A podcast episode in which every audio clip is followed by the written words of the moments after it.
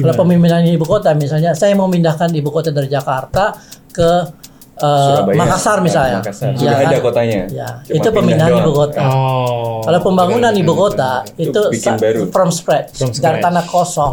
Saya lebih percaya yang ketiga itu tadi bahwa model bisnis yang ditawarkan sama IKN itu memang tidak menarik. Apa yang mau ditar eh, yang diharapkan dari investasi di sana?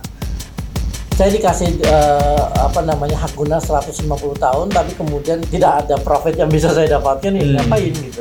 Tapi ini Jadi kalau kita lihat memang undang-undangnya itu dari awal sudah cacat dan cacatnya itu sudah sangat diprediksi karena naskah akademiknya juga itu kualitasnya tidak lebih baik daripada skripsi S1.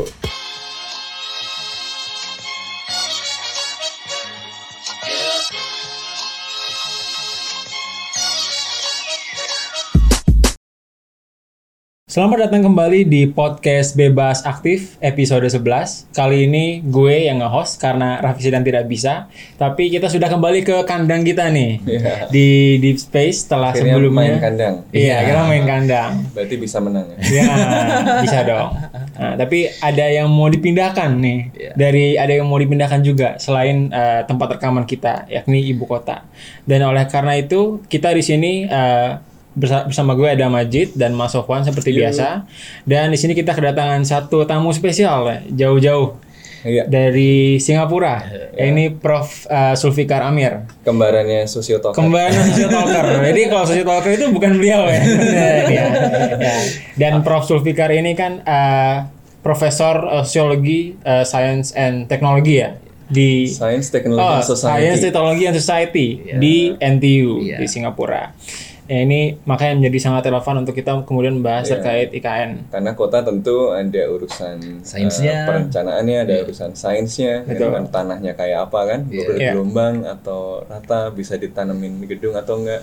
Ada teknologinya, bangunannya kayak apa, tapi juga ada society-nya. gitu kan. Baik, betul betul. Yang mau menghuni siapa gitu kan, PNS-PNS yang pada nggak mau pindah mau diapain ya. Nah, nah, oke. Sebelum Dan masuk, seterusnya. ya, gimana? Prof Sulfikar, bagaimana kabarnya? Alhamdulillah baik, terima kasih sudah diundang. Iya. Bebas aktif dan merdeka. Oh, betul. Bebas aktif dan merdeka. Bagus tuh bahannya. Ya. Sebelum kita mulai, eh, jangan lupa untuk follow semua sosial media kita di Instagram, Twitter, dan juga TikTok. Eh, juga di YouTube ya tentunya, Iya. di mana eh, kita sekarang udah terus update eh, konten kita setiap minggu di YouTube.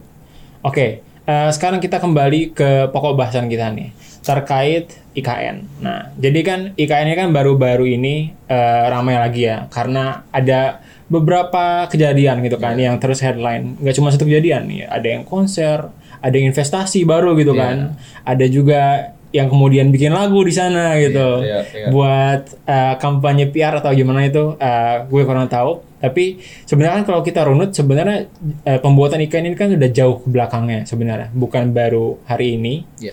Meskipun kita kelihatannya dikebut di satu tahun terakhir eh, Jokowi gitu kan Eh, kira-kira kalau kita bisa runut sejarah singkatnya dulu seperti gimana ya?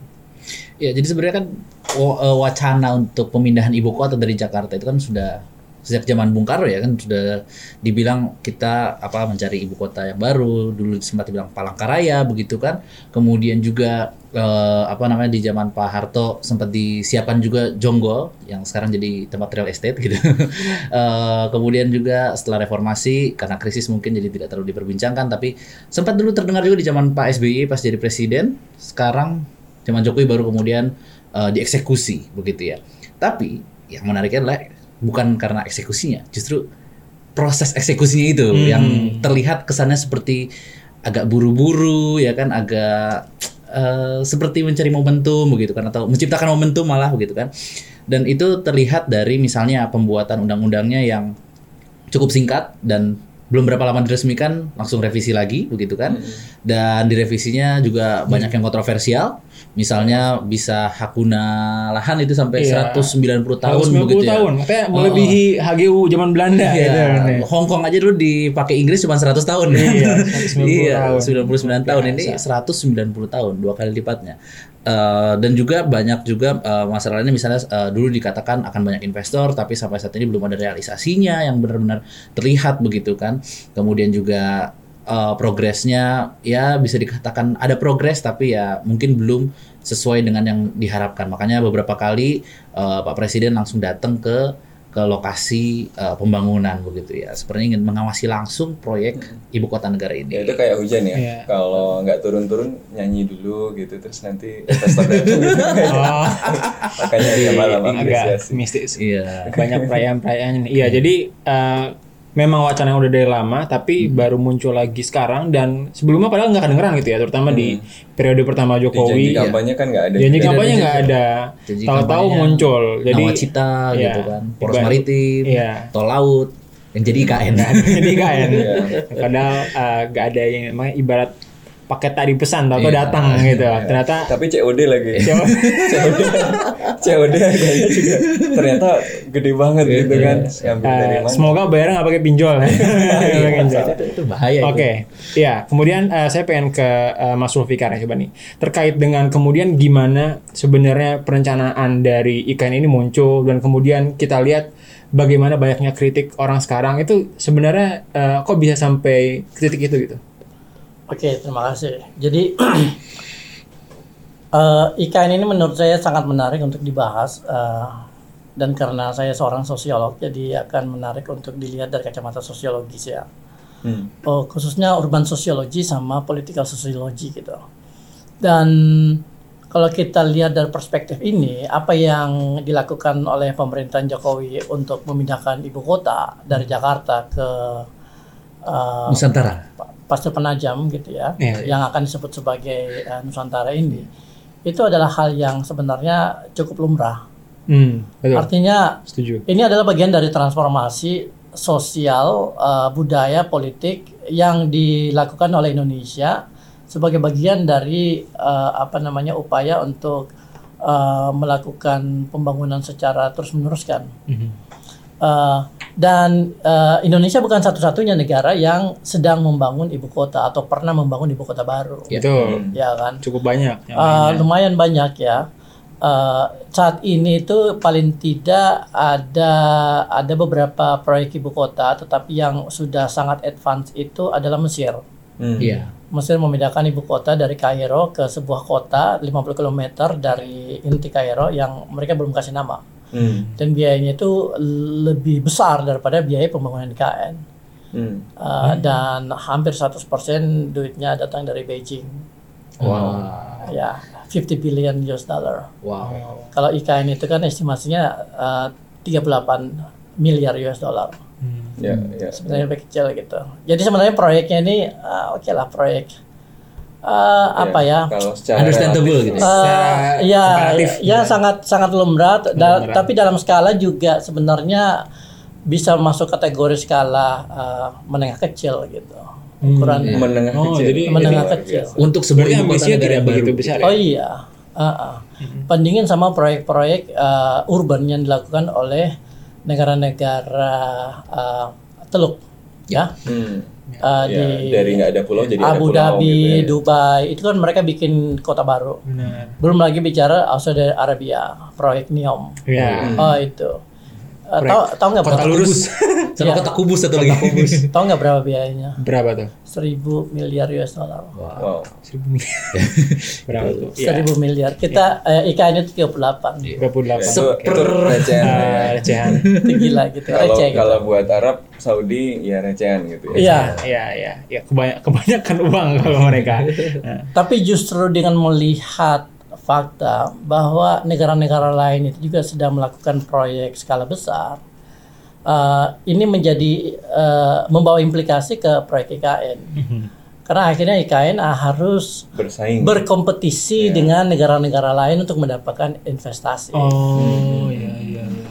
Kalau proyeknya dianggap ah tidak menarik, tidak ada yang bisa dijual, poten- potensi masa depan, prospeknya juga kurang cerah gitu, akan sangat sulit untuk menarik investor untuk masuk. Hmm. Apalagi ketika Pak Jokowi sudah berkunjung ke berbagai negara, termasuk negara-negara eh, Timur Tengah, dan mereka sendiri eh, ya cuma menganggap oh ini bagus bagus, tapi tidak ada realisasinya kan Ya, dalam hal gitu ya. tidak ada iya jadi Hasilnya jadi masjid di Solo itu. oh itu uang receh itu Oh, itu receh, itu baru receh. uang receh itu iya itu paling bunga ya, dari deposito berapa seperberapa gitu kan tapi oke kembali ke proyek IKN ini gitu ya jadi eh, sebenarnya saya melihat IKN ini itu sebagai sebuah eh, proyek eh, dalam dua kategori dia sebagai urban project ya Hmm. yang artinya butuh uh, dimensi teknokratis yang sangat kuat. Ya, yang kedua dia adalah political project, Oke. ya. Ya. Uh, uh, political project dalam arti di situ ada kepentingan, ada relasi kuasa, ya kan, ada dominasi uh, dan ada proses-proses uh, politik untuk mendukung pembangunan uh, uh, Nusantara ini. Mhm.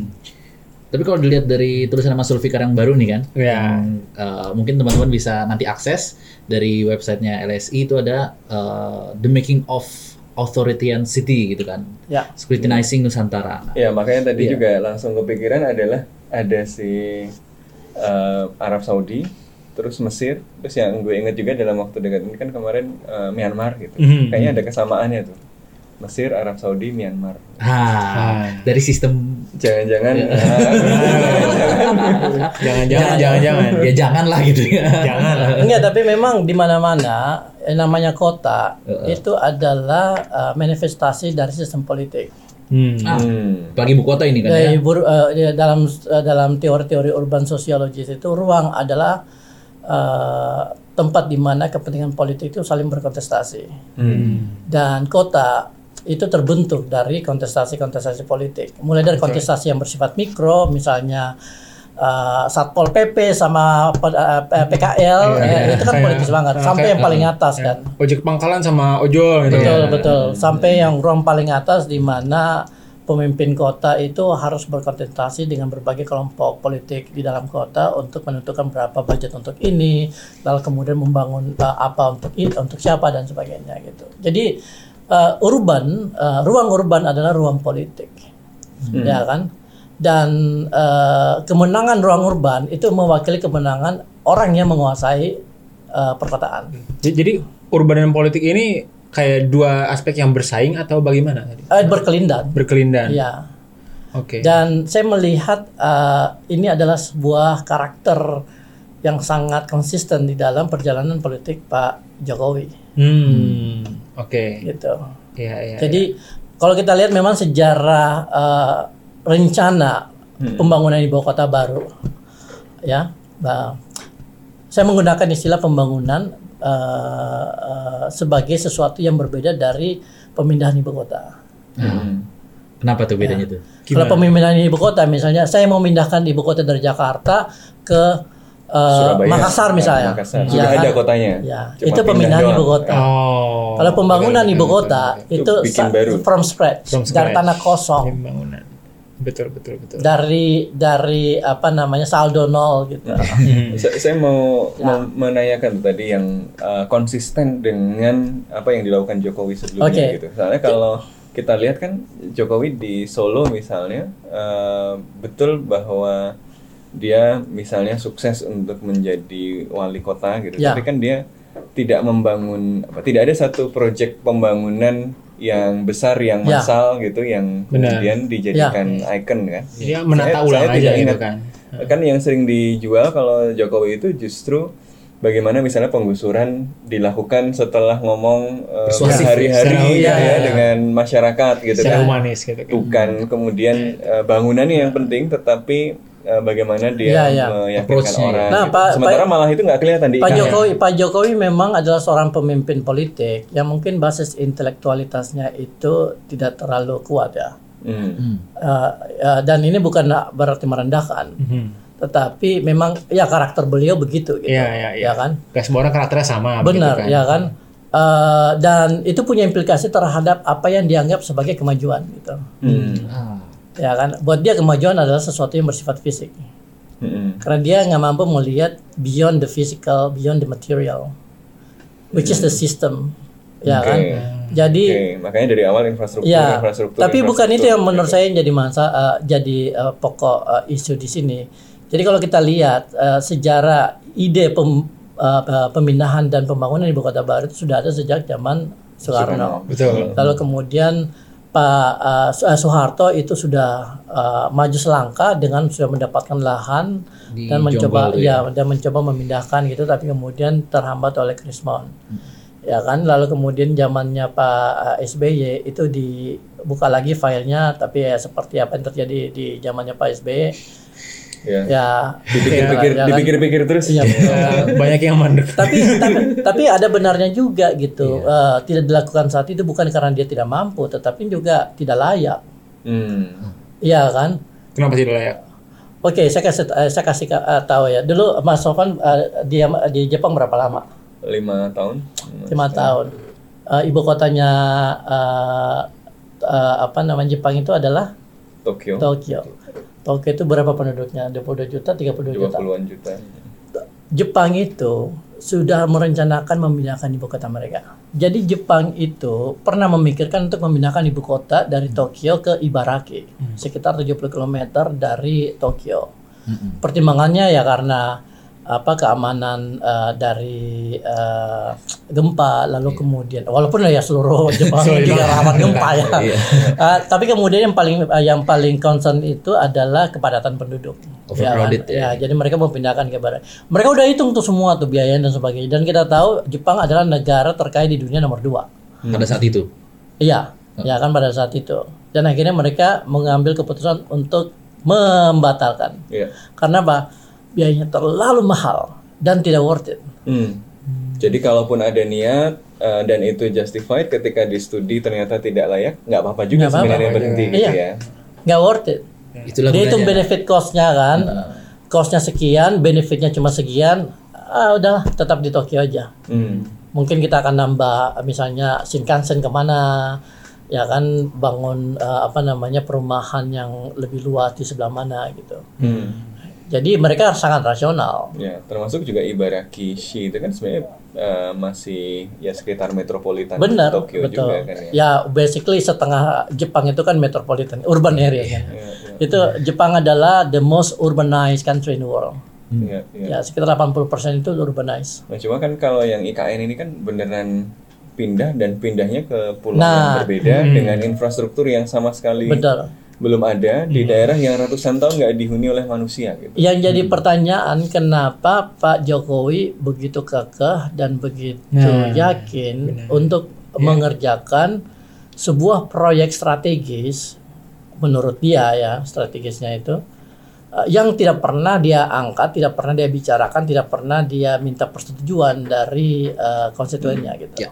Ya bahkan tadi di janji kampanye kan nggak ada. Tidak ada. Iya, makanya kan de- ini tuh asal dari mana gitu kan? Dari apa namanya pemilihnya enggak, dari rakyat enggak, Betul. dari partai-partai apakah menduk apakah mendorong apa gimana Benar. gitu kan. Tapi ini berarti merupakan sesuatu yang berasal dari Jokowi itu sendiri gitu. Iya ya. betul. Jadi eh, eh, kalau saya melihat seperti yang seperti yang saya tulis di paper saya, ini adalah sebuah eh, eh, political desire, Hmm. keinginan politik untuk meninggalkan sebuah legacy, ya, seperti kita tahu semua, eh, di mana eh, Nusantara ini akan menjadi simbol dari eh, keberhasilan kepemimpinan eh, Pak Jokowi. Hmm. Nah, kenapa dia memilih kota sebagai simbol atau political legacy? Karena, tadi dia kemampuan untuk memahaminya secara fisik Exactly. gitu. Kan political legacy itu bisa macam-macam. Iya. Betul. Misalnya uh, Gus Dur, apa political legacy-nya? Toleransi. Toleransi. Ya kan? Megawati, apa apa political legacy-nya? KPK. KPK. misalnya, ya. Institution SBY. ya? Iya, SBY apa political legacy-nya? Konsolidasi demokrasi. Tujuh persen per tahun. Ya. That's a political legacy ya kan? Economic growth. Ya kan walaupun kemudian menurun kan, kemudian ya, Ya, tadi kan. Tapi itu karena komoditi boom. Ah, oh, exactly. Oh iya, iya, iya. Tapi maksudnya kalau SBY mungkin lebih ke bagaimana demokrasi kita relatif. Benar, Oh, benar. lebih- nah, kan ya skor demokrasi. Betul, itu politikal ya, betul, betul. Ya Soeharto pun juga ada political legacy-nya kan, macam-macam lah, Soekarno dan sebagainya gitu. Nah, buat Pak Jokowi, political legacy-nya itu adalah dalam bentuk kota. Kenapa? Karena kalau kita lihat Jokowi itu adalah politisi yang paling sukses di Indonesia, Iya. ya. Kenapa saya bilang paling sukses? Karena cuma butuh kurang dari 10 tahun ketika untuk dia mulai mem- uh, mulai uh, Karirnya. karir politik dia masuk ke istana. Hmm. Oh iya. Betul, betul. Pemilu Solo dua kali. 2015 dia masuk Jakarta. politik. Enggak, eh sorry, 2005 dia masuk Oh iya, Solo. Solo. Ya kan Solo, 2010 kepilih, 2012 Jakarta, 2014. Kurang dari 10 tahun. Tidak ada politisi yang mampu melakukan The itu di legend, ya, Indonesia. the legend. Ya kan? Dan buat dia prestasi ini harus di eh, Konsolidasikan. harus dijadikan eh, monumen. Iya. Ah. Iya, bahkan Soekarno saja harus masuk penjara dulu Harus gitu jadi kan. monumen. Dari tahun 20-an baru Ya. jadi presiden Dan buat dia monumen itu adalah eh, mau kota adalah monumen yang paling Permanen gitu ya. signifikan buat dia. Kenapa? Karena dia memulai karir politiknya di kota. Oh iya, Solo kota, Jakarta kota. Jadi dari kota dia belajar bahwa politik itu adalah basically ya bagaimana mengurus kota, Hmm. T- Tapi bagaimana mengurus masyarakat perkotaan, Oke, oke. bagaimana kalau ya. itu dari political desire, kenapa dia tidak muncul dari awal gitu? Kenapa misalnya tidak di janji kampanye periode kedua itu muncul gitu? Kenapa munculnya di tengah-tengah? Ya nggak ada masalah menurut saya karena ya eh, yang namanya eh, apa ya wangsit itu bisa datang kapan saja Iya, gitu. ya kan ini bukan sesuatu yang Iya, butuh diketahui iya, oleh publik iya kan. kan. Iya, iya. Publik Pokoknya gue udah dapat kekuasaan yang kedua kali, ya udah. Ini kesempatan. Iya, iya, iya. Gua Nggak perlu langsung aja. dulu Nggak gitu perlu ya. diomongin Oke, gitu. oke. Kalau diomongin ntar nggak kepilih. nah, ah, kemudian eh, kembali ke persoalan teknokratik ini ya. Dan tadi mungkin tulisan eh, Mas Lufikar juga tentang the making of authoritarian city. Ketika ini menjadi suatu political desire yang bisa dikejar oleh Jokowi eh, sesuka hati dia gitu Iya. kan. Maksudnya kan nggak ada yang benar-benar menghalangi. Iya. Kemudian kenapa dalam perencanaannya itu yang terefleksikan kayaknya kurang ideal gitu kan. Justru Ya. banyak yang kita nilai uh, tidak bagus uh, dan justru malah Ya. Mas Lufi kan membilangnya menjadi suatu proses yang otoritarian.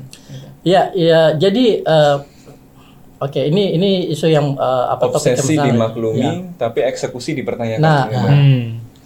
Jadi saya pribadi itu tidak anti KN. Hmm. Oke, dan Oh. saya tidak Disclaimer penting. saya tidak anti pemindahan atau pembangunan ibu kota baru. Hmm. Selama itu dilakukan dengan benar, dengan basis teknokrasi yang kuat, ya kan, dan dengan proses yang transparan dan demokratis, Oke. Oke. ya kan. Jadi sebenarnya kita bicara tentang proses di sini, Iya. gitu. Ya. Jadi kalau misalnya Pak Jokowi bilang, oke kita pindah ibu kota, oke, uh, I totally understand that. Kalau dia punya political uh, desire, ya, untuk meninggalkan sebuah Legacy. legacy atau peninggalan yang uh, akan berlangsung lama gitu. Ya wajar aja setiap pemimpin yang menganggap dirinya berhasil itu tentu ingin meninggalkan sesuatu yang menjadi uh, kenang-kenangan buat generasi ke depan kan. Iya. Tapi kemudian yang menjadi masalah adalah ketika political desire-nya ini begitu besar uh, sehingga menafikan proses-proses yang bersifat rasional. Hmm. Hmm. Seperti Ya. Iya, seperti di misalnya dalam uh, menuju study gitu ya. uh, menentukan uh, apa lokasi IKN, lokasi ibu kota. Lalu kemudian prosesnya seperti apa, dibangunnya seperti apa, lalu kemudian bagaimana kita membangunnya dan bagaimana kita mendapatkan persetujuan dari publik. Hmm. Nah, itu nggak dilakukan, tidak pernah dibicarakan secara luas gitu. Jadi yang saya lihat Pak Jokowi ini itu sangat takut dengan proses demokratis Hmm. proses-proses demokratis sangat eh, sangat menghindari yang namanya diskusi dan debat Hmm. Karena Dan dia ini- takut kalah Hmm. Ini tidak cuma kelihatan di IKN ya. Hampir semua oh iya tapi isu gitu. tapi khusus untuk IKN dia takut kalah dia takut argumennya itu mentah sehingga akhirnya orang-orang bilang ah nggak perlu lah pindah ibu kota Apakah ini berkaitan juga sama misalkan kalau lihat dari track recordnya Pak Jokowi itu kan biasanya maju bukan dari eh, pendukung partai yang awalnya itu kan nggak besar-besar amat. Di Jakarta waktu itu kan pendukung partainya kan PDI sama Gerindra. Ya. Nggak mayoritas lah. Dulu paling kuat kan ada Fauzi Bowo yang didukung paling banyak partai. Kemudian di Presiden 2014 pertama juga sama. Koalisinya relatif lebih kecil daripada eh, koalisi Prabowo. iya Kemudian tapi kemudian beliau bisa berhasil dalam mengkonsolidasikan kekuatan politiknya sehingga pas 2019 dia bisa mencapai apa eh, kekuatan dominan. dominan di parlemen maupun juga dalam koalisi eh, pencalonannya. Dan se- sekarang kita cuma punya dua partai yang formally Ya. disebut oposisi cuma karena nggak ada jatah menterinya kan. Ya, ya sebenarnya itu kan bisa jadi uh, basis dia kan untuk uh, memenangkan Iya. debat dan wacana di publik bahwa kita perlu pindah ibu kota gitu karena dia udah punya dukungan politik yang sangat kuat gitu di parlemen. Tapi justru itu yang uh, dijadikan alat untuk menjauhi dan menghindari uh, proses-proses demokratis. Selalu dapat garansi gitu kan. Iya kan? Coba kita lihat eh, undang-undang IKN itu nomor berapa ya? Eh, 23 kalau nggak salah ya. Iya. Ya Saya Februari. lupa, saya lupa, saya lupa. Nomor 23 kalau nggak salah ya. Atau nomor 3 ya, saya lupa. Eh, adalah salah satu undang-undang yang eh, Nomor tiga malah. nomor Nomor 3 ya. Undang-undang nomor Nomor 3. Ya, nomor 22. Undang-undang 3 nomor eh, tahun 2022 itu adalah salah satu undang-undang yang tercepat diproses oleh DPR sepanjang sejarah DPR berdiri di Republik Indonesia. Termasuk lebih cepat 42 dari- hari. 42 hari. 42 hari langsung. Jadi Nah, Langsung cap. ya. Dan bahkan prosesnya udah udah jalan sebelum itu ya. Oh iya, iya kan. Sehingga tidak ada uh, waktu untuk uh, dan di tengah mendiskusikan pandemi loh, jangan ya. lupa waktu itu masih pandemi. Pandemi ya. Februari Februari 2022. Iya, itu apa namanya tidak ada ruang untuk mendiskusikan dan mendebatkan ini gitu. Kenapa? Ya karena Pak Jokowi takut kalah. Di, dikritik dan sebagainya gitu bukannya bukannya apa namanya uh, memberikan argumen yang lebih uh, kuat. justru menggunakan uh, kekuatan politik untuk mempercepat proses ini gitu. Akhirnya jadilah undang-undang yang sekarang akan diubah, eh sudah diubah Revisi lagi. Ya kan, dan kemungkinan besar akan diubah lagi gitu sesuai dengan kebutuhan uh, Teknis proyek IKN. proyek gitu. gitu ya. Tapi ini Jadi kan kalau kita lihat memang undang-undangnya itu dari awal sudah cacat dan cacatnya itu sudah sangat diprediksi karena naskah akademiknya juga itu kualitasnya tidak lebih baik daripada skripsi S1. Nah, jangan lebih bagus skripsi saya. Iya, iya. Tapi ini kan sebenarnya bukan pattern yang eh, unik gitu ya dari proses pembuatan kebijakan sekarang kan omnibus law itu kan juga Ya. relatif cepat dan macam-macam eh, apa kemudian eh, minerba gitu ya Kesehatan, ya. kesehatan semuanya melalui proses yang cepat yang sebenarnya tadi paradoksal karena di DPR sebenarnya dia dominan gitu kan Eh, tapi alih-alih membuat prosesnya jadi lama apakah ini misalnya sebenarnya menunjukkan alam pikir dari eh, presiden dan para pendukungnya yang memang tadi ya dia melihat pembangunan sebagai sesuatu yang prioritas dan melihat bahwa deliberasi demokrasi itu justru ancaman yang melambatkan Oh iya, itu, sangat. gitu kan. Itu- jadi itu sangat jelas, jadi ya. apa memang visi politiknya adalah eh, bahwa eh, pemerintahan itu adalah membangun Ya. dan eh, pembangunan itu nggak boleh Ya. dihambat oleh proses Betul. demokratik gitu ya. Oke. Nah, apa konsekuensi dari proses yang dipilih oleh Pak Jokowi dalam membangun IKN? Apa konsekuensinya? Ya kalau tidak direncanakan dengan baik, tidak diuji dengan baik, ya rencananya pasti eh, ya tidak tidak direncanakan dengan baik kan pasti ada Rencananya melempem. sesuatu gitu. yang Ya. tidak sesuai Hasilnya. eh, hasilnya Ya, gitu. sebaik-baiknya rencana top down kalau nggak ngelibatin yang di lapangan atau nggak ngeliat realita ya pasti banyak mentahnya juga Ya. gitu. Jadi saya ngelihat ada dua implikasi atau konsekuensi dari proses yang sangat tergesa-gesa dan sangat eh, undemokratik ini gitu. Pertama dari proses teknokrasi di mana akhirnya eh, perencanaan, perancangan dan pelaksanaan IKN ini itu eh, bersifat top down ya. Ya jadi ada dua eh, konsekuensi dari proses undemokratik yang dipilih sama Pak Jokowi ini gitu. Pertama terhadap demokrasi di mana perencanaan, perancangan dan pelaksanaan pembangunan IKN ini itu bersifat sangat top down dan tergesa-gesa, ya kan? Tapi di sisi lain juga ada konsekuensi politik, Ya. ya kan? Eh, karena akhirnya muncul kesan bahwa ini adalah proyek eh, simbolisasi kepemimpinan Pak Jokowi Iya. Hmm. dan artinya itu adalah eh, kepentingan Pak Jokowi semata gitu, Betul. ya kan Eh, dan ini adalah proyek milik Pak Jokowi bukan milik orang lain gitu bukan milik siapa-siapa, bukan milik bersama, Hmm. ya kan? Dan karena itu, I the people jadi. betul, betul. Jadi proyek ini adalah proyeknya Pak Jokowi semata, karena mereka, eh, karena beliau lah yang ingin mengklaim sebagai eh, apa namanya peninggalan eh, eh, peninggalan politik dia gitu. Akhirnya apa? Orang lain dianggap tidak punya kontribusi. Hmm. Jadi orang tidak merasa ini adalah proyek bersama. Ini orang tidak merasa bahwa ini adalah proyek nasional. Orang merasa bahwa ini bukan proyek kolektif gitu. Iya, iya. Ini semata-mata proyeknya Pak Jokowi. Ya kan? Bahkan termasuk di internal partainya kan waktu itu Exactly. ada Nah, karena itu ketika Pak Jokowi akan berakhir masa kepemimpinannya, ya kan? Semua legasi ini akan eh, berakhir eh, eh, apa namanya? seperti eh, eh, masa ke masa jabatan beliau gitu.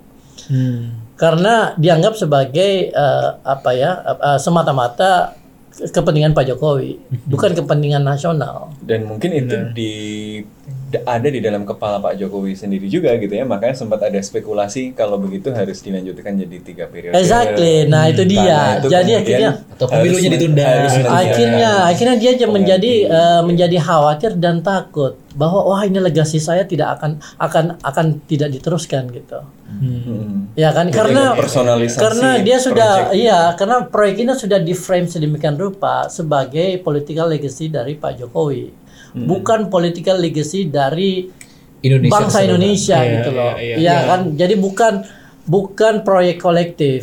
Hmm. ya kan? Bukan milik bangsa Indonesia Iya. gitu kan?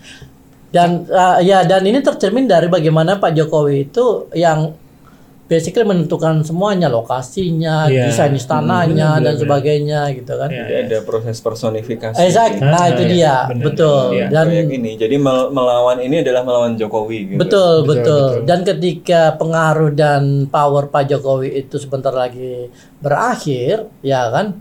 Ya kemungkinan besar apa namanya upaya untuk melanjutkan ini juga akan ter eh, apa ya eh, terdampak oleh proses eh, perubahan rejim politik, Iya, gitu kan? iya, benar-benar. Ya kan makanya dia khawatir kalau misalnya terjadi perubahan rejim politik, legasinya tidak akan jadi gitu.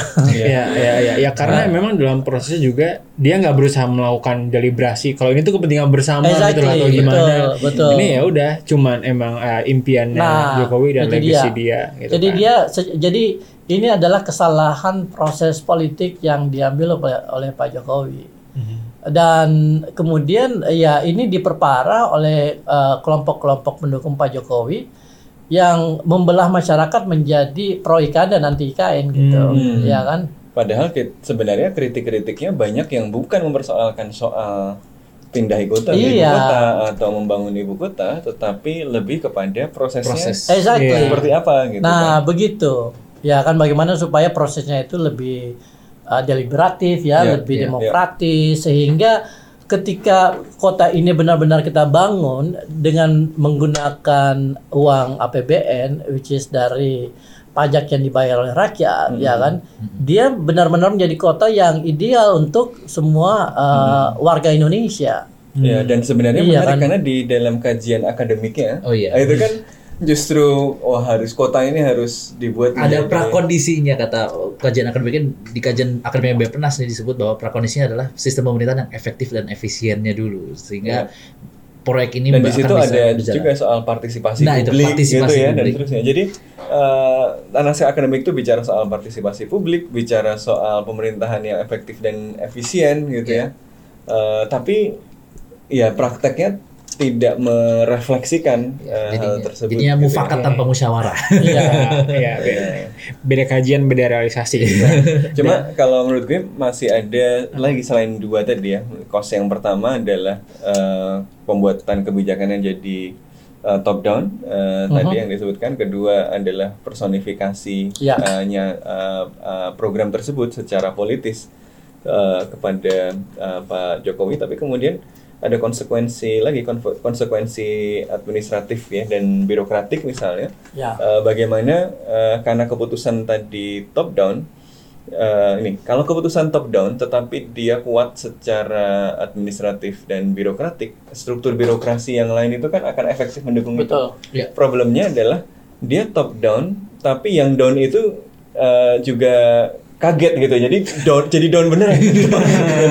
Jadi misalnya ASN ASN yang mau pindah Oh, gitu, iya, iya, itu kan iya. kaget. Kemudian Betul, betul. birokrasi pendanaannya gitu ya. Misalnya eh, sekarang ini eh, gerundelan Ya, dari teman-teman nah dari banyak KL itu kan eh, karena keinginan untuk menyukseskan program yang dipersonifikasi sebagai simbol kesuksesan Bapak Presiden tadi kemudian semua anggaran disedot ke sana gitu kan Eh, Ya. yang anggaran sana sini banyak yang Baik ini kurangin. Dipotong. Seben- sebenarnya gitu ya. bukan disedot tetapi diprioritaskan. Ya Karena memang sudah dialokasikan di Iya, dalam iya, iya. uh, APBN. gitu. ya ya Kayaknya banyak info di KL KL nih. ya, Iya.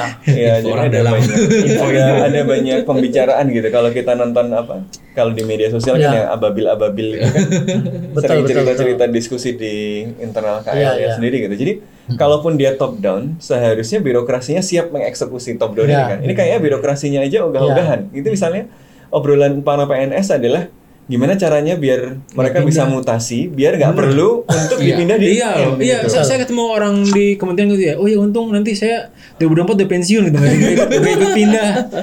Jadi apa ya? Jadi bahkan struktur negara yang seharusnya merefleksikan, kalaupun ini kebijakannya top down, Ya. harusnya kan eh, si mesin ini juga Ya, siap. ya. Tapi bahkan di dalam mesin itu nggak jalan. Oh iya, gitu. iya itu indikasi kegagalan suatu kebijakan untuk diterima bahkan oleh uh, apa namanya aparatur negara, gitu kan. aparatur negaranya sendiri gitu kan. Hmm. Artinya ada semacam bentuk apa ya istilahnya itu ya uh, mutiny gitu ya Hmm. terhadap uh, kebijakan yang langsung dibuat dari atas gitu. Tapi uh, hal yang lebih menarik untuk dicermati terkait sama uh, apa tulisan saya The Making of an Authoritarian City itu adalah bahwa Pak Jokowi memilih uh, sebuah model organisasi yang akan menjalankan pembangunan IKN dan uh, apa namanya uh, menjadi regulator dari IKN itu dalam bentuk model otorita. Kayak di Batam. Betul. O- otorita sama otoriter itu emang agak Wah. Nah, ya exactly. ini ini sebenarnya menjadi concern saya gitu karena eh, begini, otorita itu eh, bukanlah eh, model yang baru. Jadi eh, it is not invented by Jokowi Jokowi's Yeah. administration.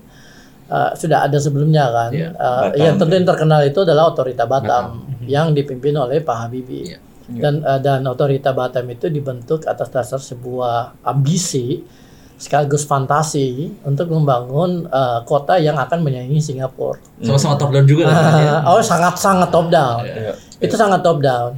Tapi kan modelnya gini, jadi basically Batam otorita Batam itu adalah sebuah wilayah eh, bukan perkotaan tapi wilayah eh, industri. Jadi semacam industrial estate sebenarnya Hmm. yang yang kemudian dilengkapi oleh pelabuhan. Jadi itu bukan kota sebenarnya otorita Batam itu. Ya kan? Jadi mereka punya lahan lahan yang begitu luas. Kemudian industri diundang Ini kayak datang special investasi. economic zone gitu Exactly, kan ya. Special exactly, economic zone yang, yang Betul. emang motor pertumbuhan Cina kan Betul. SEZ, Iya. SEZ Benar. sebenarnya. Eh, kemudian ada otorita apa namanya yang mengatur dam-dam dan sebagainya gitu ya. Hmm. Nah, jadi model otorita itu ada, tapi kemudian untuk pertama kali model otorita ini dipakai untuk Ibu kota. mengelola Iya. sebuah kota, Iya, iya. ya kan? Let Nah, alone, ibu let kota. alone ibu kota gitu. Let alone ibu kota gitu. Jadi, eh, nah, kenapa ini menjadi ya, implikasi yang serius? Karena kota itu adalah sebuah sistem yang tidak hanya terdiri dari bangunan, jalan, gedung-gedung, dan jembatan, tetapi berisi oleh manusia-manusia. Iya.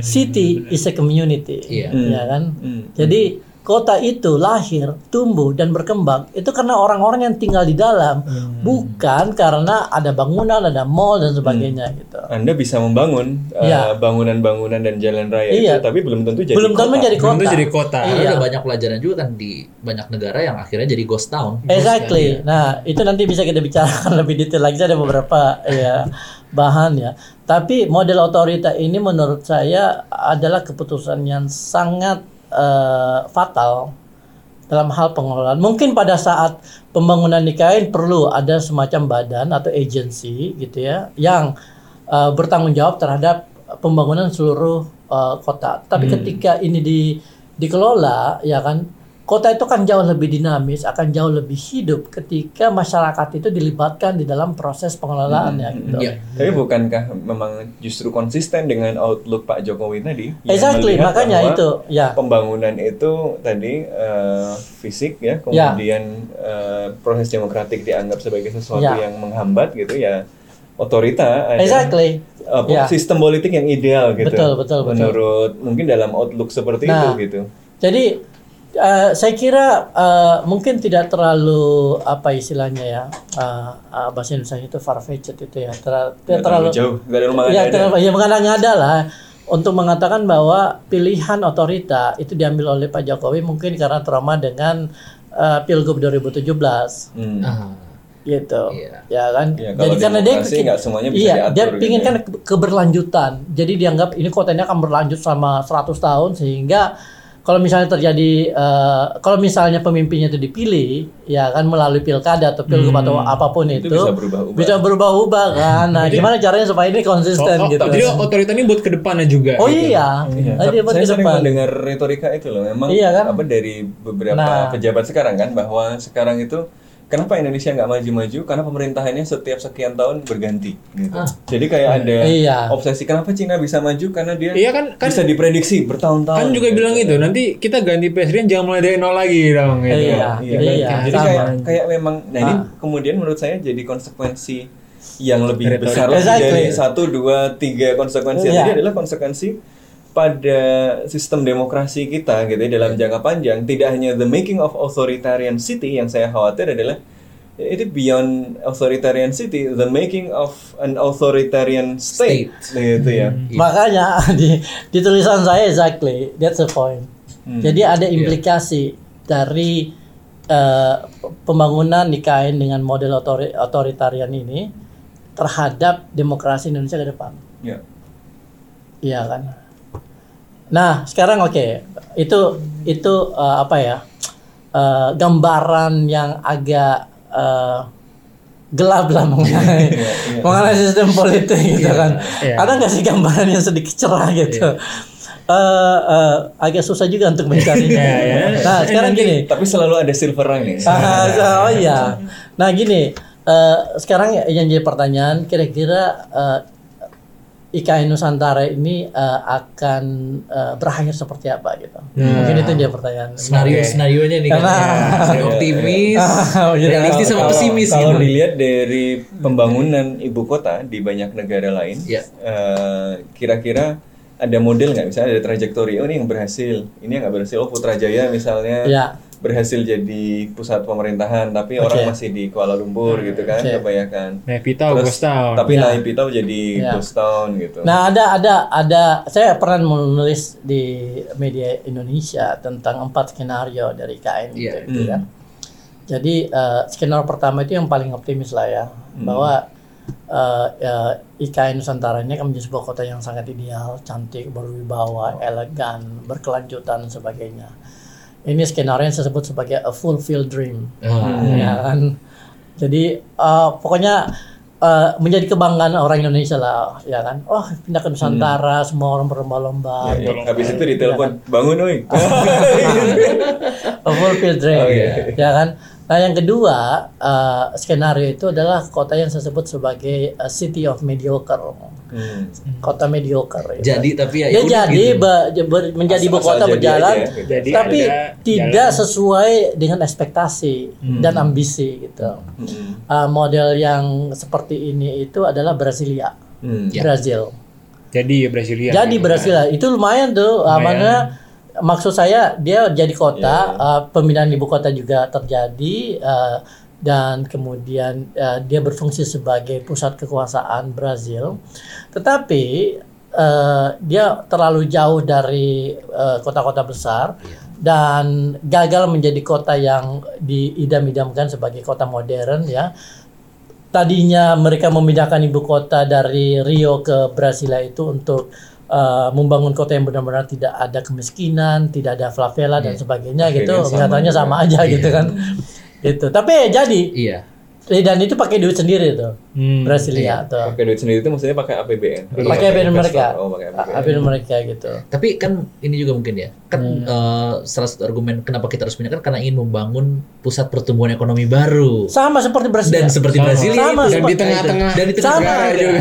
Jadi semua logika-logika dan argumen-argumen dipakai untuk membangun Nusantara itu sama seperti yang digunakan oleh men- eh, saya saya lupa namanya Presiden presiden, siapa gitu, yang bekas mayor juga, Iya. ya kan eh, eh, membedakan Brasilia dan Brasilia itu mirip-mirip Nusantara kan. Buka hutan. Nah, maksudnya namanya aja ya Brasil Oh, menjadi Brasilia. Iya. Bener Indonesia bener. itu Nusantara. Iya. Wah, ini jangan-jangan 11-12. iya. Mirip banget ya. emang terinspirasi atau Ba- iya, kebetulan bisa aja. jadi ke- kebetulan aja gitu kan. Jadi yang membangun itu adalah presiden yang awal karir itu wali kota dan dia adalah anggota Partai Awalnya wali Sosialis. kota. Dia, dia punya perdana menteri juga nggak? Enggak. kirain, kirain dia punya perdana menteri juga. gitu. Iya. Nah, skenario yang ketiga ya seperti yang kita lihat di Myanmar, Naypyidaw, Ghost Town. Iya. Hmm. Nah, kenapa Myanmar itu terjadi seperti itu? Oh, itu eh, semata-mata karena sistem politik yang sangat amat eh, Otoritarian. Otoritarian. apa yang lebih ber- lebih jelek dari otoritarian itu ya Eh, absolut lah ya bisa dibilang ya semi absolut lah ya Seperti monarki Iya tapi kan? militer. nah Naypyidaw itu dibangun eh, oleh junta militer ya, tanpa konsultasi tanpa benar-benar dari wangsit Iya. ya kan di Baca tengah dulu beritanya. ya di tengah hutan dan sebagainya gitu tapi jadi kota loh Tapi memang zaman dulu uh, Jadi kota-kota kota. itu dari wangsit kan, kayak Oh, iya. Kyoto apa itu kan Oh, dari iya, iya. juga gitu. Har- Harus ada yang memulai imajinasi. ya kan? Nah, dan dibangunnya diam-diam tuh. Dibangunnya diam-diam begitu udah mau selesai baru bilang oh kita akan pindah kota terus aneh banget kan bentuknya kan ada jalan yang eh, Lebarnya. lebarnya itu iya itu ada 18 jalur Karena ya buat kan? buat perang juga. dari kan, ujung ke namanya. ujung tapi begitu di ujungnya jalan kayak gang gitu itu yang jadi latar belakang waktu apa kudeta itu ya. Benar, yang sampai ada orang yang joget-joget lagu. Joget-joget. ya kan ya kan Iya, kayak nah di sana ada uh, hotel bintang 5 seperti yang akan dibangun di Nusantara ya kan tamunya. tapi nggak ada tamu Kecuali tar KTT ASEAN tamunya. nah gitu Iya. nah siapa yang bangun Napidau tahu nggak Siapa? Cina. Cina. Ah, dari dari sana Oh, oke. Iya. Iya, ya, kasih ya, duit Karena mereka juga nggak ada duit sebenarnya. Ah, oh iya nggak ada loh duitnya. bangun jadi wah, ironis banget dia bangun pagoda yang gede banget ya kan tapi eh, apa namanya eh, biksu-biksu itu nggak boleh masuk ke situ Nah, itu benar-benar simbolisasi dong, nggak ada boleh fungsinya. nggak boleh datang nggak boleh datang situ Karena biksu-biksu itu kekuatan politik Iya. yang berbahaya gitu ya. Eh, kekuatan Jadi, oposisi. Oposisi. ya, ya, ya. Takut ketahuan ini ada yang bolong-bolong gitu. kita datang ke sana itu ada jalan ada apa namanya gedung tapi nggak ada orang gitu yang ada itu tukang-tukang bersih Benar benar benar. Iya. Berarti memang tadi kan unsur kotanya harus ada masyarakatnya itu yang absen. betul Iya. Benar Iya. benar. Ya, terus Nah. Skenario ketiga tadi, skenario Skenario ketiga. ya. Itu Belum keempat, keempat. Ya. Nah, itu skenario ketiga ya skenario keempat ya unfinished business Hmm. jadi Nggak iya, jadi gitu ya. nggak jadi ya Berhenti tengah jalan gitu lah. berhenti tengah jalan ya mungkin karena faktor politik, faktor finansial, eh, faktor alam, tiba-tiba terjadi sesuatu, ya kan apa eh, bumi marah kemudian terbuka tanahnya gitu ya. Kita Wah, muncul muncul monster di apa namanya Kalimantan gitu, kalian merusak hutan saya. Ya kan kita tahu. Tapi itu fantasi lah. Mungkin ya, soalnya istananya kayak kayak Zordon. kayak Power Ranger. Nah, gitu kan. Anyway, Tapi, dari empat itu, mana Ya. yang paling mungkin? Kan ada skenario nih, tapi probabilita yang Oke. paling dekat ke mana? Kan ada tiga kemungkinan, ah, maksudnya ada tiga dimensi atau tiga aspek yang menentukan uh, skenario mana yang uh, akhirnya menjadi kenyataan gitu. Ya. Pertama itu uh, aspek teknokrasi, kemampuan kita uh, melakukan dan mengeksekusi proyek itu gitu. Seko- sebaik apa kualitas yang kita bisa capai sehingga kuali- apa namanya Nusantara ini akan menjadi kota dunia, ya kan. Yang kedua finansial, Oh, itu Yang- jelas. ya itu jelas. Yang ketiga politik Iya. ya kan. Nah yang pertama kalau kita lihat ya eh, saya udah aw- awalnya awalnya itu keren loh apa rencana eh, eh, IKN itu. Kalian lihat kan pemenang sayembara itu? Ya, Iya. iya, iya. Ya kan Kota Rimba itu Iya. keren banget loh. Ya, ya. Green City. Oh, iya keren banget di kontanya. Sekarang konsep itu nggak dipakai. Oh iya. Oh, udah nggak dipakai lagi. Menang sayembara. Eh, udah berubah, udah Jadi berubah sayem- banyak. Sayembara itu Oh, udah udah berubah banyak, oh macam-macam gitu. Begitu begitu istana desain istananya Pak Nyoman Nuarta masuk, oh itu udah ngerombak konsepnya hutan rim- apa kota rimba.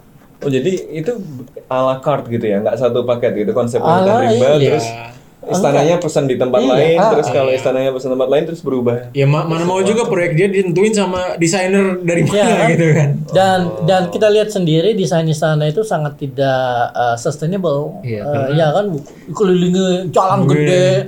Orang mengakses ke uh, ke istana itu kan agak susah Iya, kan iya. untuk jalan kaki bangunannya nggak sesuai juga sama bangunan wilayah tropis. Nah, iya, Gitu. betul. Iya, Jadi iya, dan- desainnya itu dan, sangat dan katanya itu kalau pembangunan ibu kota baru ya, contohnya kayak di Mesir, itu kadang-kadang juga untuk menjauhkan partisipasi demokrasi itu sendiri Exactly, gitu kan. exactly. Biasanya di Mesir dan Iya. di Jakarta juga demo kan ke apa ke istana kan lumayan dekat Iya, gitu kan. iya kan. Ini nanti dilingkerin apa jalan Naik pesawat dulu kalau mau demo. jauh iya kan. Nah, benar-benar. Ini enggak eh, eh, eh, Pak Nyoman Nuarte itu adalah seniman yang brilian lah. Iya. Ya kan luar biasa emang. Karya-karyanya tuh keren-keren gitu. Tapi ketika kita bicara tentang desain istana ini, kita ngelihat ada semacam ketidak tepatan konteks gitu. Ketika sebuah istana yang mestinya mencerminkan rumah rakyat ya kan sebuah republik yang demokratis itu kan ya, eh, direfleksikan eh, secara eh, apa ya diametral melalui gedung yang sangat arogan Hmm. ya kan. Sangat berjarak. sangat berjarak ya dan eh, apa ya eh, sangat otoriter gitu. Kita lihat dari desain Desainnya. itunya kan yang eh, banyak ada beberapa orang yang bilang mengingatkan mereka sama Jermania gitu. Iya, iya, sama logo sama logo Romawi, logo Nazi, ya kan bukan Garuda Pancasila nah tetapi gitu. Jadi ini. ah, ah, jadi benar benar. Romawi. jadi eh, Nusantara itu di mana gitu? Iya. ya kan? Ini kalau kita bicara tentang Iya, iya. eh, Filosofisnya lah ya. filosofi dan estetika ya, Iya. ya kan itu. Belum lagi permasalahan-permasalahan yang begitu rumit terkait dengan infrastruktur, terkait dengan public facility, terkait dengan Permukiman apa juga. namanya, eh, iya pemukiman, housing dan sebagainya gitu. Oke. Karena membangun ibu kota itu kan eh, jauh lebih kompleks daripada membangun kota biasa. Iya. Dan sampai sekarang kalau kita lihat sejarah Republik ini, kita belum punya pengalaman membangun kota dari nol. Iya. Iya. Ada nggak kota Tapi kayak dulu gitu? Kota-kota katanya dulu katanya juga yang dirancang begitu, jalan-jalannya kan sempat dirancang sama Soekarno juga ya, makanya jalan-jalannya misalnya kota-kota dan seterusnya itu katanya Betul. sempat ada memang dirancang dari awal untuk jadi ibu kota gitu. Tetapi Nah, bata kemudian di tengah jalan. Tetapi dia dirancang dari nol kan? Iya. Jadi ya, eh, perancangan eh, khususnya untuk wilayah untuk daerah ini ya intinya KIPP itu itu tidak didesain eh, eh, ramah terhadap warga Hmm. gitu kan. Jadi eh, ini mungkin debatable ya. Mungkin mereka bilang oh kita udah desain dan sebagainya gitu. Tapi pengamatan saya sepertinya tidak seperti itu gitu. Yang kita lihat di video-video simulasi itu kan ya mungkin menarik tapi ketika lihat kenyataannya juga jauh berbeda dari Iya, itu gitu. iya, iya. Oke. Nah, eh, terus kita bicara finansial. Iya. Ah, ini ini krusial banget, Hmm, ya kan? Benar. Biaya pembangunan ibu kota Nusantara itu sebesar 38 miliar US dollar atau 466 triliun. Ya kan? Dan 20% itu diambil dari APBN. APBN. Ini menurut Undang-Undang Nomor 3 Iya. yang kemudian akan diperbaiki, eh, yang sudah diperbaiki. Nah, saya nggak tahu yang perbaikan itu akan eh, apa akan menaikkan eh, plafon itu ya, atau ya. Tapi 20% itu diambil dari APBN. Hmm. 20% dari 466 berarti sekitar 92 triliun. Mhm. Ya kan? Nah, 92 triliun ini hanya di- dipakai untuk membangun kawasan inti pusat KIPP pemerintahan. tadi ya. Ya kan? Nah, IKN ini kan luasnya lebih gede dari Ja- Jakarta. Iya. Ya kan? Nah, KIPP itu luasnya adalah Jakarta Pusat tambah Kuningan. Hmm. kecil. Ya. Nah, coba bayangin 90 triliun digelontorin Jakarta di Jakarta Pusat dan Kuningan kira-kira jadi apa? Ya udah bisa bangun udah diberesin itu MRT tahap 2, tahap 3. Iya. Cukup nggak? Enggak cukup kayaknya sih. Enggak. Enggak juga sih ya. Ya, It's more expensive than that. ya, eh, tapi ya, tapi itu kan 20 Ya mungkin akan Rencananya. dinaikkan lagi kan. Iya. Tapi yang jadi masalah kan di luar KIPP ini kan butuh fasilitas penunjang Iya, yang luar biasa. benar, benar. Apalagi kan buat Nah. untuk apa menu apa bahan bangunan ke sana aja biayanya Iya. Oh iya, dan- air, air juga katanya harus datangkan iya ke tempat mereka kan bikin bikin uh, bikin Dam dam, ya? ya dan sebagainya gitu. Nah itu itu bagian dari APB. itu termasuk 90 Iya. Makanya 92 kan, kan salah satu justifikasinya kenapa ini juga dijalankan ya karena ini nggak memberatkan APBN gitu, cuma 20% gitu. Kalau misalnya dibandingin sama yang lain kan ya mungkin akan 100%, dinaikkan. Mungkin atau akan gimana. Iya. Tapi mungkin dinaikkan. Sementara nyari investor juga kan Nah itu dia. nggak mudah gitu. Kenapa sampai sekarang tidak ada investor yang mau masuk? Terutama investor asing lagi. Investor asing. Kalau memang belum ada ya tapi Pak Bahlil Kan bilang kayak mundur. sudah Kayak oh, dulu sudah. SoftBank yang tanda tangan ya. MOU sama letter of intent itu udah seratusan lebih. Nah, Tapi kan letter of intent nggak eksek- bukan buat eksekusi kan ya. itu itu bukan akad itu. akal. Masih niat. Iya, iya. Ah, ah. Iya. Ah, itu masih eh, inilah masih DM dulu gitu. Oke, boleh nih tertarik gitu. Oke, belum belum Belum bukan DP, akad. baru Ah, DM. belum DP. gitu, ya kan? Iya. Nah, jadi itu yang jadi masalah sampai sekarang karena eh, investasi asing itu belum ada yang masuk dan Mm-mm. Dan Tapi masalahnya apa? akal, ya. Masalahnya investor masih berpikir bahwa ada kemungkinan tidak lanjut karena Pak Jokowi Mhm. mau selesai. Itu Jadi lebih ke satu. itu. Atau tadi karena lagi ada banyak proyek yang lain yang lebih menarik sehingga mereka naruh duit di tempat lain. Itu atau tiga mungkin emang nggak kalau dari segi Atau- bisnis mungkin nggak iya, return aja gitu iya, nggak cukup iya. baik Exactly. returnnya Saya lebih percaya yang ketiga itu tadi bahwa model bisnis yang ditawarkan sama IKN itu memang tidak menarik. Apa yang mau ditar eh, di- yang diharapkan dari investasi di sana? Saya dikasih eh, apa namanya hak guna 150 tahun tapi kemudian tidak ada profit yang bisa saya dapatkan nih ngapain gitu. iya Karena kan bisnis itu kan Beda sama Hong Kong. Iya.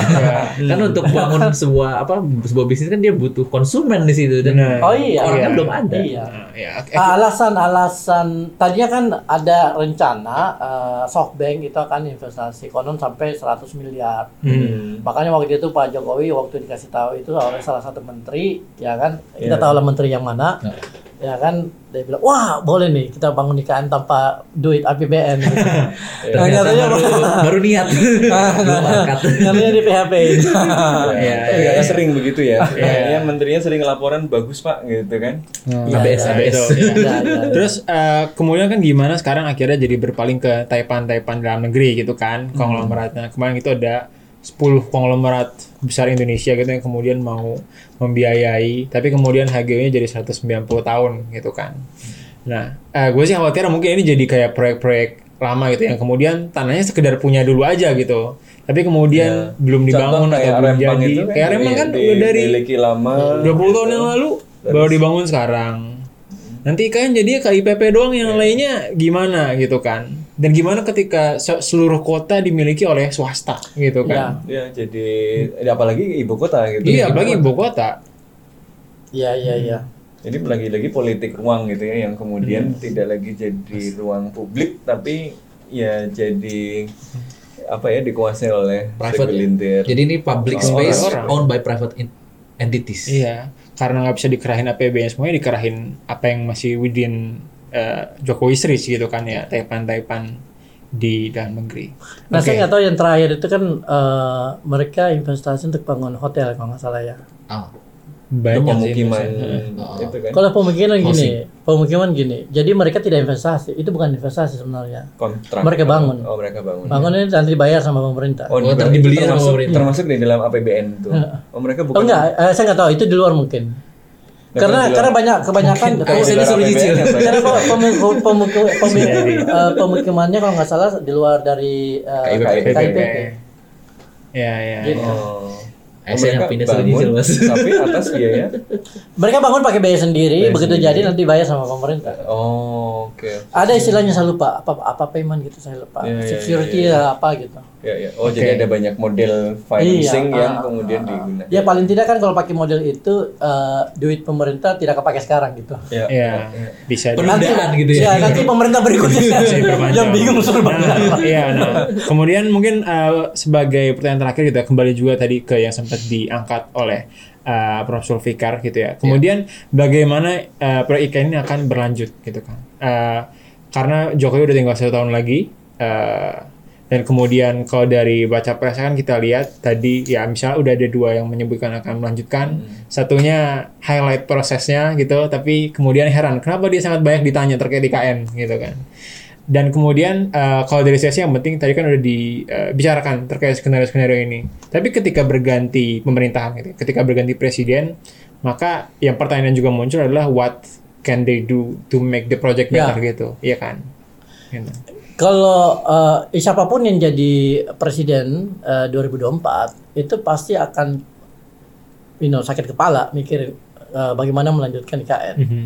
Hmm. Ya kan? Ya kalau kalaupun mereka Ketika berjanji- eh, apa namanya budget 92 triliun dari APBN ini udah kepake semua, tapi kemudian masih ada kebutuhan-kebutuhan lain, bingung nih gimana cara ngelanjutin gitu. Hmm. ya.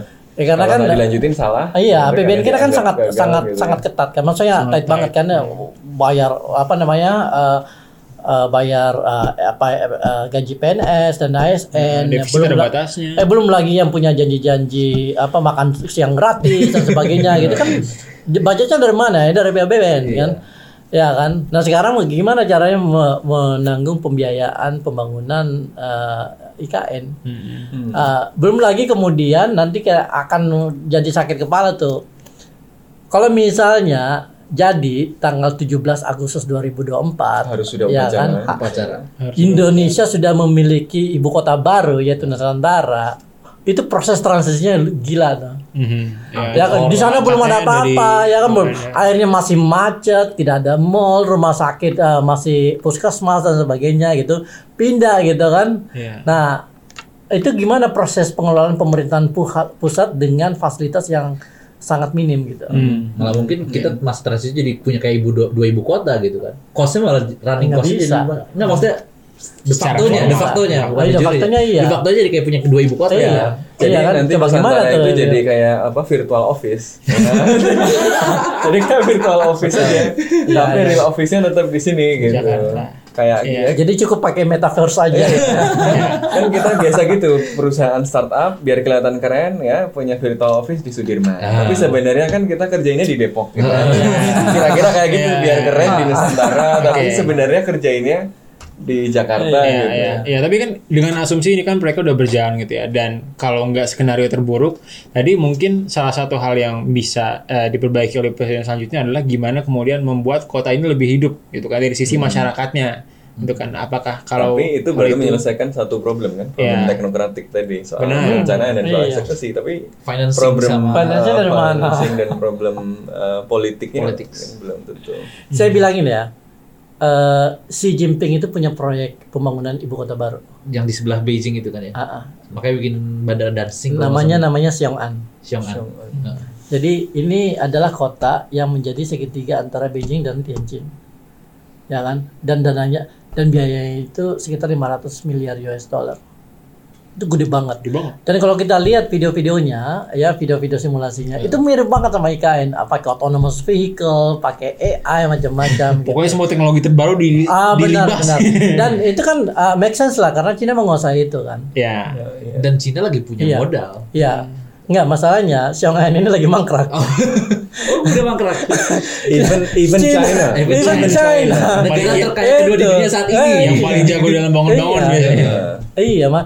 Jadi padahal si, Xi Jinping udah membangun apa namanya eh, stasiun kereta api cepat, eh, kereta cepat terbesar di dunia itu di Xiong'an. Oh wow. Oke. Ya. Jadi itu ada berapa ada sekitar Kayaknya 70 track outlooknya gitu. nggak terlalu optimistik ya, bang ya. Ya, ya. Jadi ya Ya tapi maksudnya kalau mau optimis, kalau saya menganggapnya ya jangan sampai mangkrak gitu loh. Atau gimana? ya Itu itu, kan harapan jadi- semua orang. Gitu. semua Saya pun orang, juga ya tidak kan. mengharapkan apa namanya eh, Jadi sangkos kantor kan itu kan? Iya. Ya udah terlanjur jalan gitu kan. Hmm. Sekarang kan gini gini pilihannya.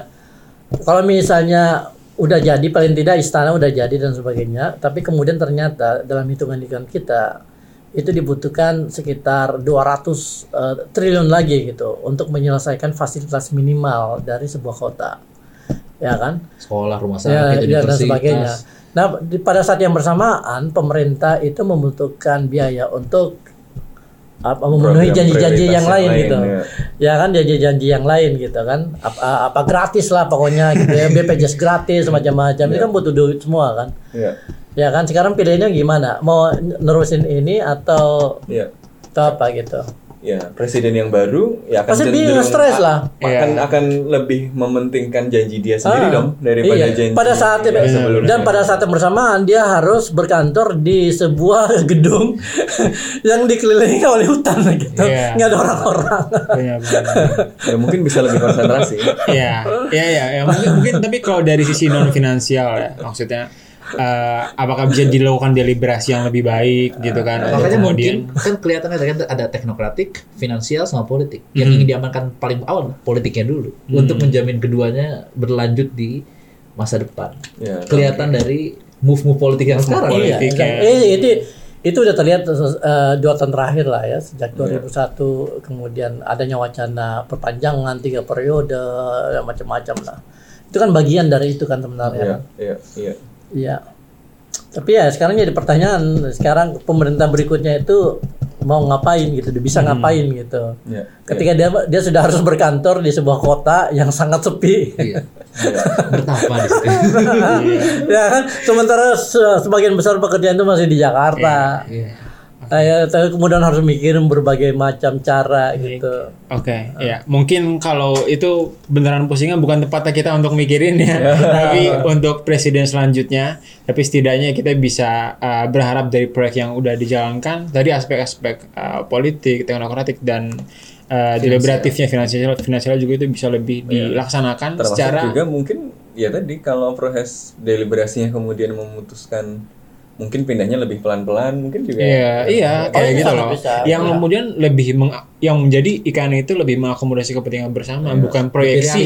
lah. Ya, bukan proyeksi uh, keinginan pribadi Personal. gitu. Dan ya, Keinginan dan pribadi. mungkin ya Nusantara ya akan menjadi sebuah kota yang cantik, eh, elegan tanpa harus jadi ibu kota. Bisa jadi, bisa jadi. Kota baru Benar. pusat pertumbuhan ekonominya daripada Bisa. ibu kota. Iya. Bisa jadi. nggak ada beban yang begitu besar gitu pemerintah. Oh, kita, kita Benar, bangun benar. Nusantara. Iya, iya. Tapi nggak akan jadi ibu kota. Nanti kita lihat 10 tahun ke depan kalau misalnya ternyata memang layak, baru kemudian kita pindahkan ke situ ketika udah Benar. siap gitu. Bisa jadi. Ya intinya jangan sampai itu kemudian jadi kota Jokowi, kota satu orang eh, saja gitu yang kemudian eh, masa jabatannya juga akan berakhir sebentar lagi, tapi itu harus jadi kota bersama gitu. Bukan cuman masyarakat kotanya, tapi bahkan yang bisa menjadi kebanggaan eh, masyarakat Indonesia gitu kan. Dan tidak jadi ghost town ya. Kota Benar. yang hidup dan menghidupi jadi masyarakat. ghost town. Kalau ghost town kita di roasting terus berapa puluh tahun ke depan. Iya, dan dengan begitu eh, kita menutup podcast bebas aktif episode 11 ini. Terima kasih semua sudah menonton dan see you.